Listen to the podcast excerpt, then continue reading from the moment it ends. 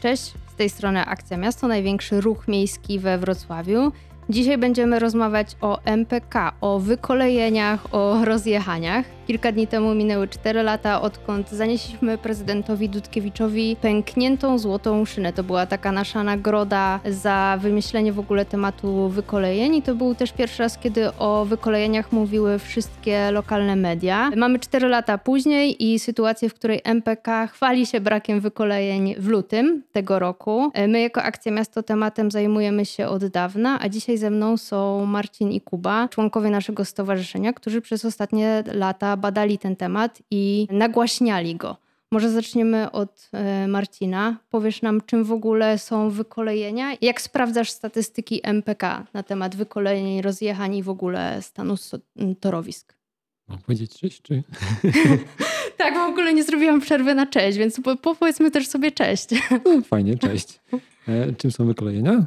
Skrócie mówiąc, tramwaj wypadł z szyn. Tak najogólniej. Natomiast jak sprawdzam liczbę wykolejeń, po prostu używam dostępu do informacji publicznej i cyklicznie pytam się MPK o liczbę wykolejeń, które miały w danym okresie miejsce, a teraz liczbę wykolejeń i rozjechań po wprowadzeniu nowej kategorii, ponieważ swego czasu MPK e, bardzo chciało uniknąć przekroczenia 100 wykolejeń w roku, więc wpadli na pomysł, że wprowadzą kategorię rozjechania, czyli jeden wagonik pojechał w prawo, drugi w lewo, ale nie, nie była konieczność użycia dźwigu. Tak czy owak dla pasażera, który podróżuje podróżuje komunikacją miejską, jest problem, bo nie może pojechać. To zajmuje trochę czasu, nim ten wagon jednak wróci na te właściwe tory. I tak pytamy się o konkretne miejsca, żeby dowiedzieć, gdzie te wykolenia miały miejsce. Czy to jest jeden punkt na mapie Wrocławia, czy to jest cały, cały szereg punktów. I tak swego czasu nawet zrobiliśmy taką mapę, chyba za, za 2019 rok, gdzie nanieśliśmy wszystkie wykolejenia, które miały miejsce w danym roku i okazało się, że to jest tak rozsiane po całym mieście, że nie ma tak w zasadzie żadnego odcinka, żeby tramwaj przejechał z punktu A do B praktycznie bez wykolejenia. I najlepsze, że nanieśliśmy te punkty na mapę, także używając yy, oceny stanu torowisk, które przygotował w ówczesnym cza czasie zdjum. I mieliśmy sytuację, gdzie mieliśmy ładne tory sklasyfikowane jako bardzo dobre,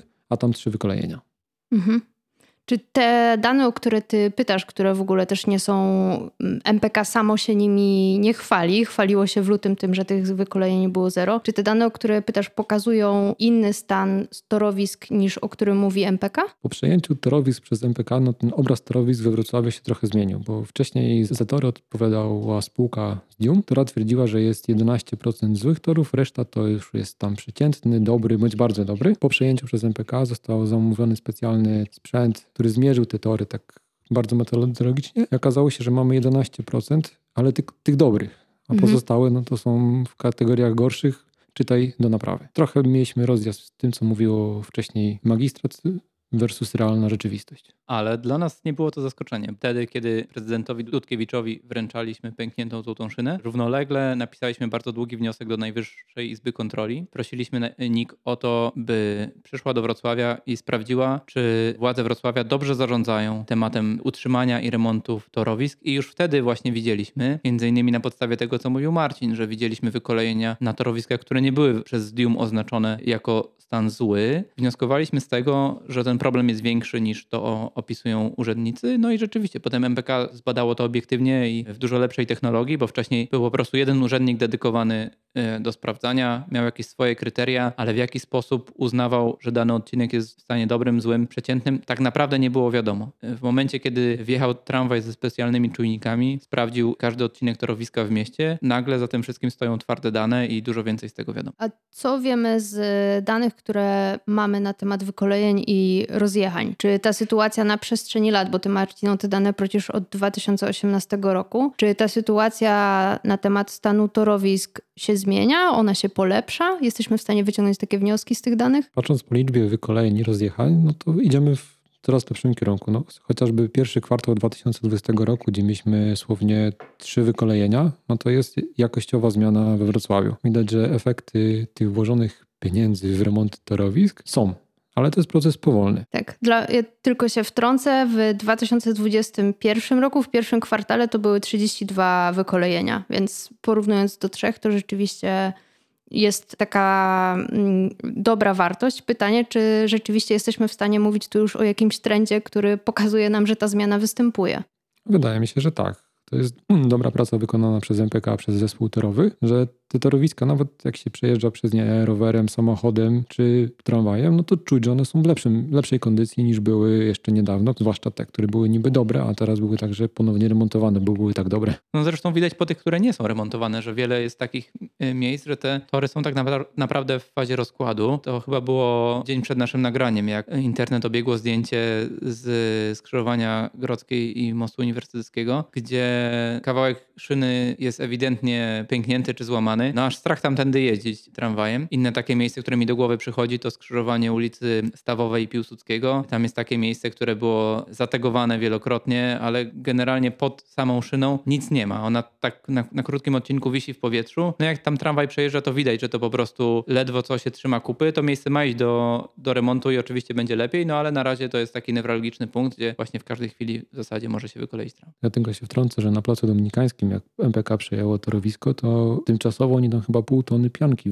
czy tam tego jakiejś tam substancji zalali, żeby to torowisko się utrzymało jeszcze do tego remontu. Więc to pokazuje, w jakim stanie mieliśmy tory we Wrocławiu, albo jeszcze miejscami mamy. Kuba, wspominałeś o wniosku do Najwyższej Izby Kontroli, który pisaliśmy w 2018 roku. Co się z tym wnioskiem stało? Przede wszystkim my liczyliśmy na to, że przeczyta go również prezydent Dudkiewicz i trochę się zreflektuje, że jednak zaniedbał ten temat bardzo i źle się dzieje. Porównywaliśmy liczbę wykolejeń we Wrocławiu z innymi miastami, porównywaliśmy też nakłady na utrzymanie i remont torowisk i widać było gołym okiem, że ten problem nie wziął się z niczego, tylko z tego, że decyzje polityczne były takie, żeby na to dawać za mało pieniędzy. Byliśmy zupełnie w innej lidze, jeśli chodzi o rząd wielkości wykolejeń. Mówiliśmy też w tym wniosku do NIK, że po prostu pieniędzy na remonty jest zdecydowanie za mało. Wtedy jak ten wniosek pisaliśmy, to to nie, nie dużo wcześniej zdarzyło się tak, że tramwaj, który przejeżdżał przez Plac Strzegomski i hamował przed wjazdem na przystanek, w zasadzie wskoczył na peron przystanku. To było bardzo niebezpieczne zdarzenie i my trochę się obawialiśmy po prostu jako mieszkańcy, że może dojść do tragedii. Na szczęście w międzyczasie jej nie było, no ale dalej są takie miejsca we Wrocławiu, że tramwaje w taki sposób wypadają z szyn, że właśnie wjeżdżają na chodnik czy na przystanek. Jeśli tam ktoś będzie stał, no to oczywiście w zderzeniu z tramwajem nie ma najmniejszych szans. Nikt we Wrocławiu był, chociaż trochę im to zajęło i generalnie potwierdzili nasze obserwacje czy hipotezy, powiedzieli, że jest źle. Ale to już było w momencie, kiedy MPK już miało te dużo dokładniejsze dane, czy było w trakcie ich analizowania. Generalnie wiedzieliśmy, że sytuacja idzie w dobrym kierunku, no ale też yy, myślę, że ten, ten temat wniosku do NIK-u i pękniętej złotej szyny też się przyczynił do tego, że w kampanii wyborczej kandydaci obiecywali, że zajmą się tym tematem. Później mieliśmy wybory i obecny prezydent mówił tak: bezzwłocznie naprawię wszystkie główne usterki na torowisku stanowiskach tramwajowych. Minęły trzy lata. Czy z waszej perspektywy to się stało? Na pewno jest dużo wyremontowanych tych usterek, natomiast chyba prezydent nie zdawał sobie sprawy, jak wiele jest tych usterek, a także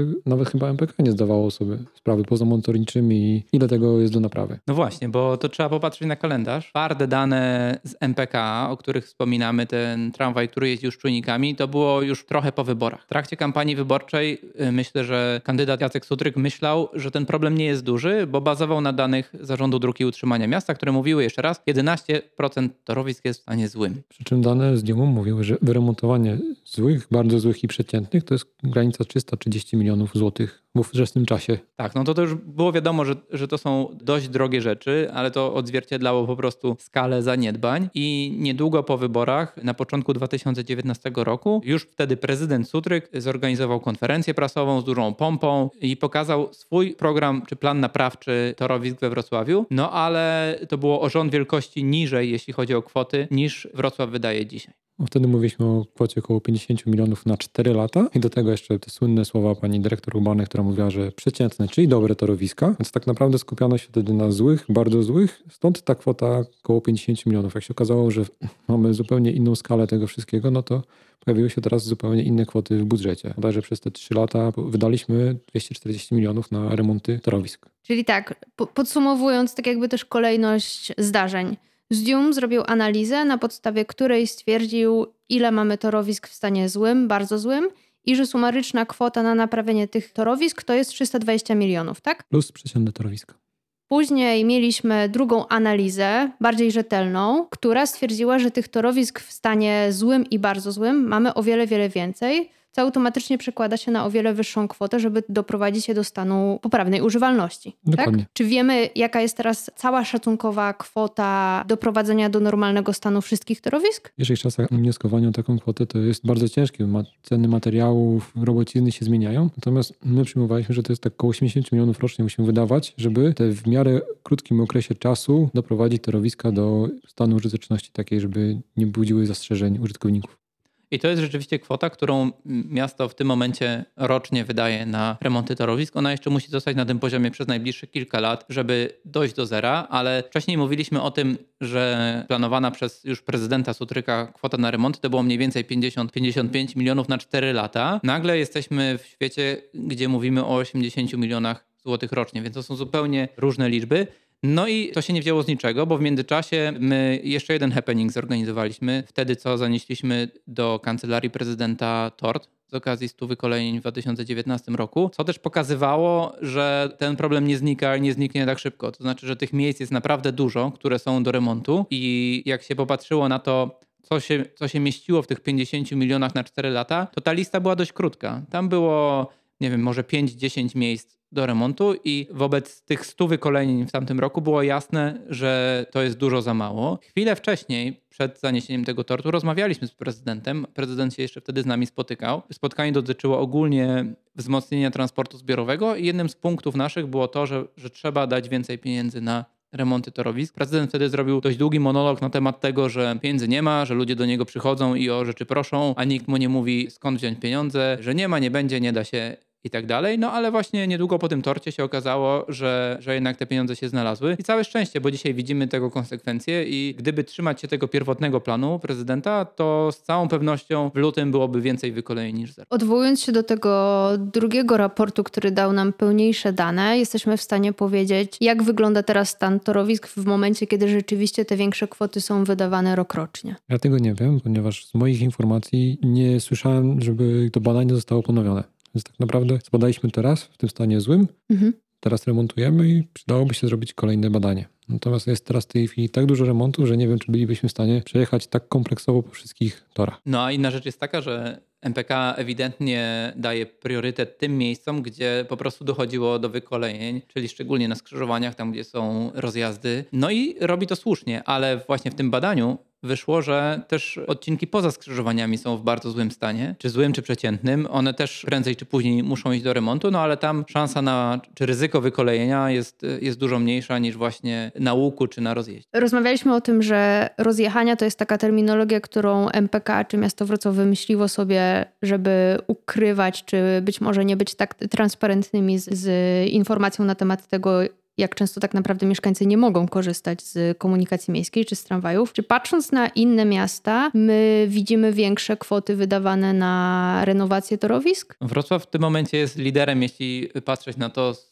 z punktu widzenia szczególnie y, długości sieci. Warszawa też bardzo dużo wydaje, szczególnie na utrzymanie. Oni mają nawet specjalne tramwaje, które służą do tego, żeby na bieżąco konserwować torowiska. My jeszcze na tym etapie nie jesteśmy. No, z tego też powodu Warszawa tych wykolejeń ma bardzo mało. Myślę, że prędzej czy później i to do nas dojdzie. Prezydent Sutryk dosyć często chwali się w swoich mediach społecznościowych aktualizacją jego projektu Tory Rewolucja.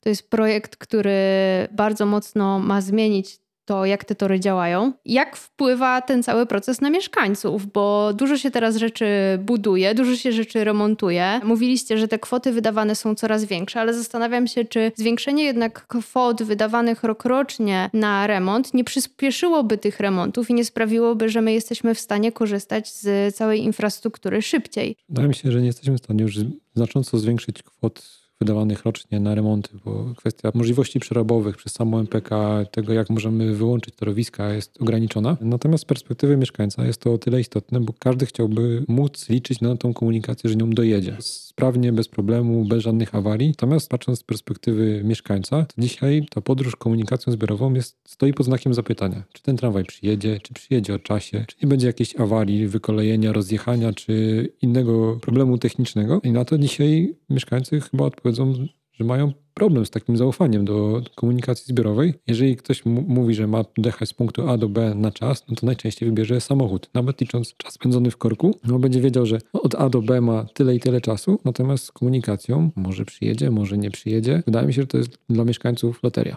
No i można też dodać do tego, że niestety wrocławskie MPK się stało memem i to takim memem ogólnopolskim. To znaczy wszyscy w Polsce wiedzą, że to jest coś śmiesznego i te wykolejenia jest ich tak dużo. No niestety takie, takie były fakty przez lata, no i przez to spadło zaufanie mieszkańców do transportu zbiorowego, co zresztą widać w tak zwanych kompleksowych badaniach ruchu. Miasto raz na kilka lat robi takie badanie wśród mieszkańców i sprawdza, kto jakim środkiem transportu się porusza i właśnie w badaniach na koniec 2018 roku wyszło, że podróży transportem zbiorowym było znacznie mniej niż w poprzednim badaniu kilka lat wcześniej, więc jest, jest to niestety duża praca do wykonania. Ja sam, jeśli korzystam z MPK, no to nie myślę o rozkładzie, tylko odpalam aplikację, która pokazuje bieżącą lokalizację pojazdu, patrzę na linię, która mnie interesuje i to jest jedyne moje kryterium, czy się zdecydować na taką podróż, czy nie, czy może na przykład wsiąść na, na własny rower albo pójść piechotą. A jeszcze wrócę do tej śmieszności. No MPK jest trochę samo sobie winny właśnie przez to wymyślanie, przez to słowotwórstwo z tą rewolucją, która nie jest rewolucją, tylko przywróceniem pewnego stanu normalności, bo rewolucją byłoby, gdybyśmy naprawdę zbudowali dużo gęstszą siatkę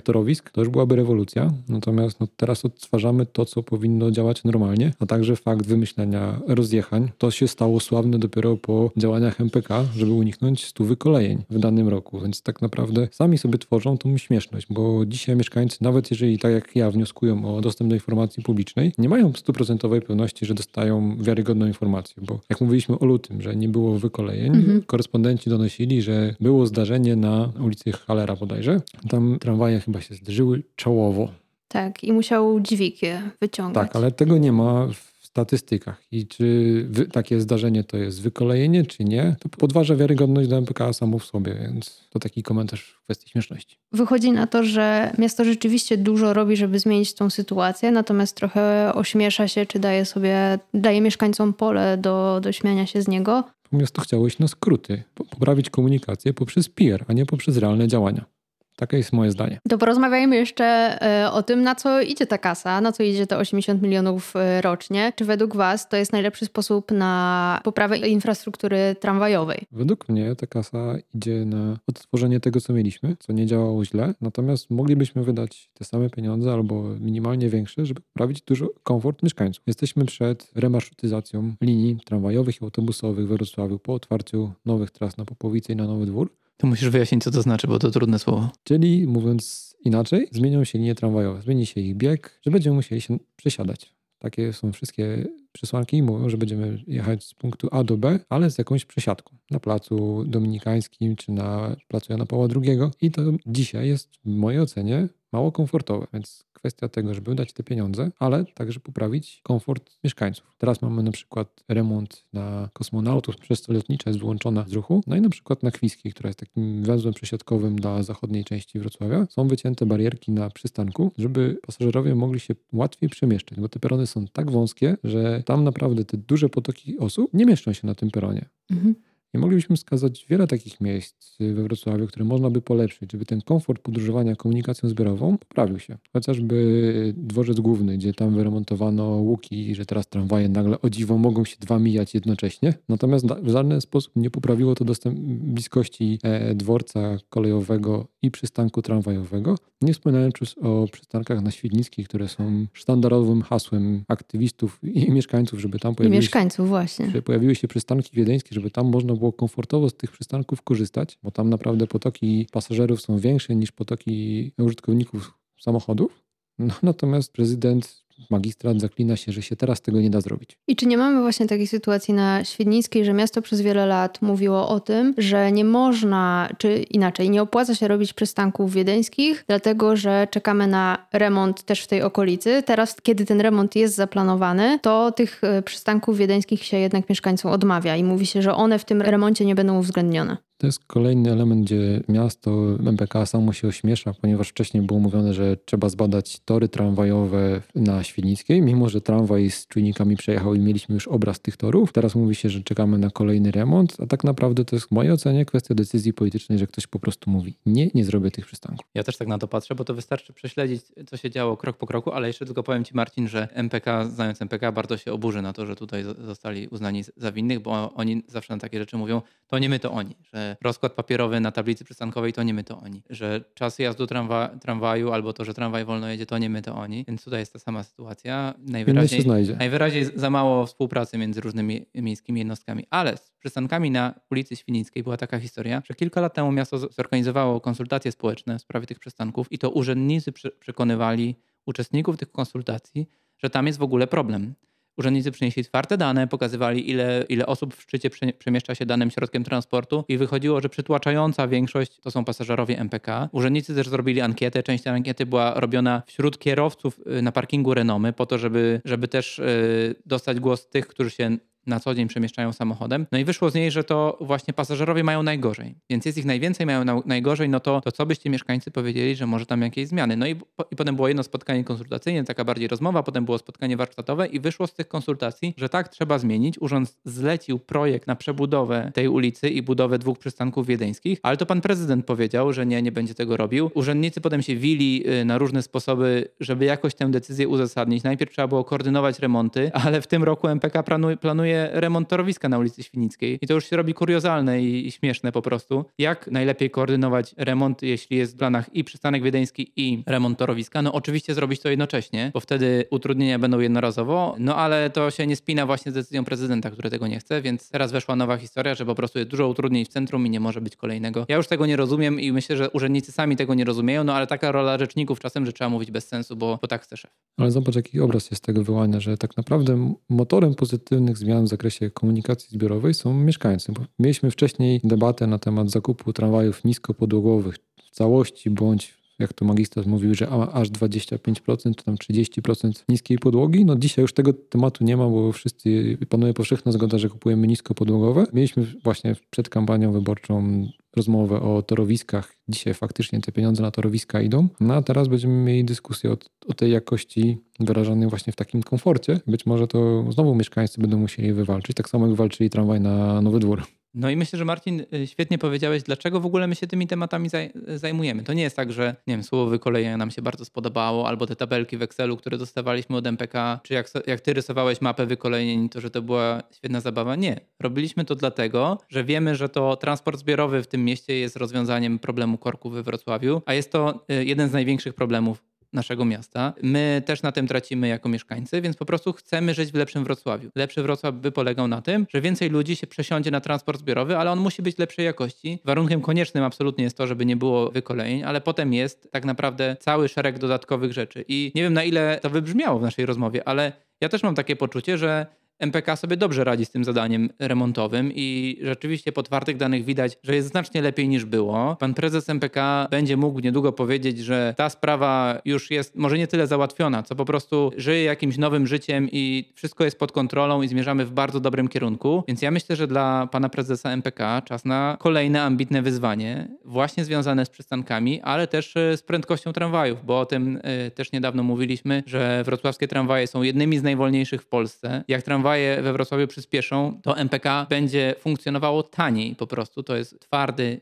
finansowy argument, a jednocześnie będą bardziej konkurencyjne dla mieszkańców, więc więcej ludzi skasuje bilet w tramwaju i znowu jest więcej pieniędzy, więc podwójnie prezes MPK by na tym wygrał, no ale musi przekonać urzędników na przykład w Wydziale Inżynierii Miejskiej, że trzeba trochę inaczej sterować sygnalizacją, że nie może być tak, że tramwaj stoi na czerwonym przez półtorej minuty. To nie jest europejski standard, a to są niestety obrazki, których wrocławianie doświadczają na co dzień. To może na zakończenie porozmawiajmy o tym jeszcze, co możemy zrobić jako mieszkańcy, bo powiedziałeś Marcin o tym, że ostatnia zmiana w kontekście tramwajów niskopodłogowych to była zmiana niesiona przez mieszkańców. Czy w tym temacie jest coś, co my jako mieszkańcy jesteśmy w stanie zrobić, żeby temat jakości torowisk przyspieszyć, Dla żeby zmienić sytuację. zrobili już bardzo dużo w tym mieście, bo publicznie wyrazili swoje oczekiwania wobec komunikacji, czy w badaniach, czy także w panelu obywatelskim, który miał miejsce i dotyczył także komunikacji zbiorowej. Tam były jasne stwierdzenia, tramwaj na Jagodno czy na Maślicę, natomiast na, w tej chwili się nic nie dzieje. Teraz jest kwestia, żeby wywierać presję poprzez rady osiedla, spotkania z politykami, także z radnymi miejskimi, którzy nagle wydają się bardzo oderwani od rzeczywistości i stają, takim, stają się takim murem obronnym przed głosem mieszkańców do magistratu i próba ich przekonania, wywierania wpływu. Mamy za chwilę wybory, więc fajnie jakby ci